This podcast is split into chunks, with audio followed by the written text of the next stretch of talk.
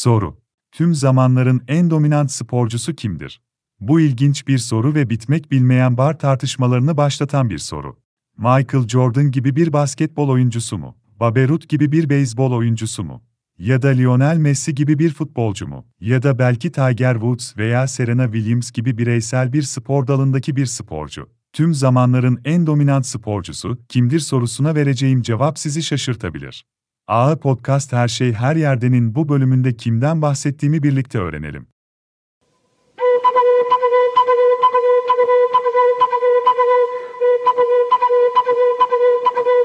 Soruyu cevaplamadan önce, seçtiğim kelimeler konusunda çok dikkatli olduğumu belirteyim. Tüm zamanların en iyi sporcusunun kim olduğunu sormadım, yani en hızlı ya da en güçlü olabilecek bir kişiden bahsetmiyorum. Yani Usain Bolt ya da Haftor Bjornsson'dan bahsetmiyorum. Haftor Bjornsson, Game of Thrones'ta Mountain karakteriyle bildiğimiz ve deadlift'te bir dünya rekoru kıran adamdı. Burada en dominant olandan, rakiplerini ezip geçen kişiden, sporunun zirvesine çıkan ve sonra çok uzun süre orada kalan birinden bahsediyorum. Sürekli olarak kazanmaya devam eden biri.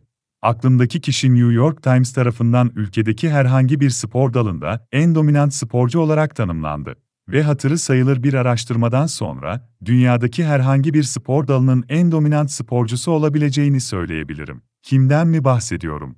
Efsanevi Alan Francis'ten başkası değil. Muhtemelen kendinize soruyorsunuz, Alan Francis de kim? Madem bu adam bu kadar harika, neden adını daha önce hiç duymadım? Alan Francis, atnalı oyununda tarihin en büyük atıcısıdır. Atnalı atmanın gerçek bir spor olmadığını düşünüyor olabilirsiniz. Golf ya da bowlingin nasıl bir sporsa, atnalı oyunu da eşit derecede bir spordur. Açıkçası, eğer curling olimpik bir etkinlik olabiliyorsa, o zaman atnalı atışının da bir spor olabileceğini düşünüyorum. Şimdi Alan Francis'in ne kadar dominant olduğunu görmek için efsanesini inceleyelim. Allan Missouri'de bir çiftlikte büyüdü ve burada ailesinden atnalı atmayı öğrendi. İlk Küçükler Dünya Şampiyonası'nı 1982'de 12 yaşındayken kazandı ve o dönemde üst üste kazandığı 4 Küçükler Dünya Şampiyonluğu'nun ilki olarak bir rekora imza attı. 1989'da 19 yaşında ilk Erkekler Dünya Şampiyonası'nı kazandı ve dünya şampiyonluğu kazanan en genç kişi rekorunu kırdı. 1990, 1991 ve 1992'de Dünya Şampiyonası'nda 4. ve 3. sırada bitirdikten sonra, 1993'te 2. Dünya Şampiyonluğunu kazandı. 1994 yılında yine dünya üçüncüsü oldu ve 1995 yılında spor tarihinin en inanılmaz serilerinden biri olarak tanımlanabilecek bir seriye başladı. 1995, 1996, 1997, 1998 ve 1999'da dünya şampiyonluğunu kazandı. Yeni milenyumun başlangıcı olan 2000 yılına gelindiğinde zaten 7 dünya şampiyonluğu kazanmıştı ve daha yeni ısınıyordu. 2001'de tekrar kazandı ve 2003'te art arda 8 dünya şampiyonluğu rekorunun ilkini kazandı. 2011'de Dünya Şampiyonası'nda ikinci oldu ve 8 yıllık serisine son verdi. Bu seri geçen yıl, tahmin ettiğiniz üzere 2012'den 2019'a kadar art arda 8 dünya şampiyonluğu daha kazanmaya devam eden Alan Francis tarafından bozuldu.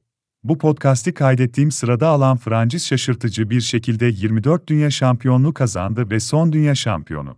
2020 Dünya Şampiyonası COVID-19 nedeniyle iptal edildi ama bu yılda kazanacağına kesin gözüyle bakılıyordu. Eğer kazansaydı bu onun 25. dünya şampiyonluğu olacaktı ve 5 farklı 10 yılda dünya şampiyonluğu kazanmış olacaktı. 80'ler, 90'lar, 2000'ler, 2010'lar ve 2020'ler. Allah'ın şu anda bir dünya şampiyonluğu kazanan hem en genç hem de en yaşlı kişi. Bu kadar uzun bir süre boyunca rakipleri üzerinde bu düzeyde hakimiyete sahip olan birini hayal bile edemiyorum. Dünya şampiyonluğunu kazanamadığı birkaç yıl olduğunu fark etmişsinizdir.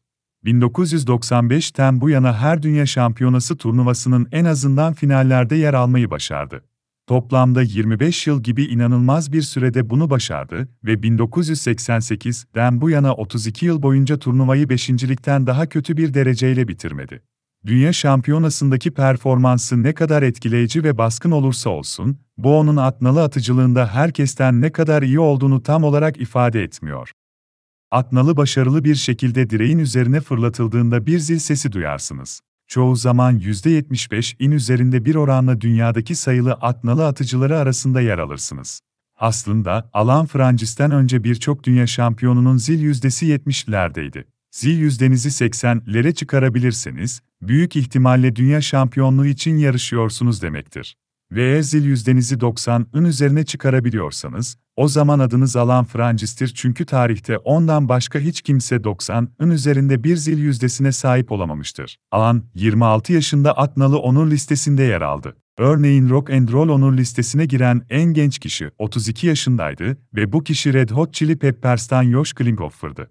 Beyzbol onur listesine giren en genç kişi 36 yaşındaki Sandy Koufax'tı. Basketbol onur listesindeki en genç oyuncu 32 yaşındaki Ed McCalley oldu. Pro Football Hall of Fame'deki en genç kişi ise 34 yaşındaki Gail Sayers'tı. Profesyonel atnalı atışında çok fazla para dönmüyor. Dünya şampiyonasını kazanmak size sadece 3000 dolar kazandırıyor. Tüm zamanların en iyi atnalı atıcısı olmak, Amazon'dan satın alabileceğiniz imzalı bir atnalı serisine sahip olması dışında, ona herhangi bir sponsorluk anlaşması kazandırmadı. Peki Allah'ını gelecekte neler bekliyor?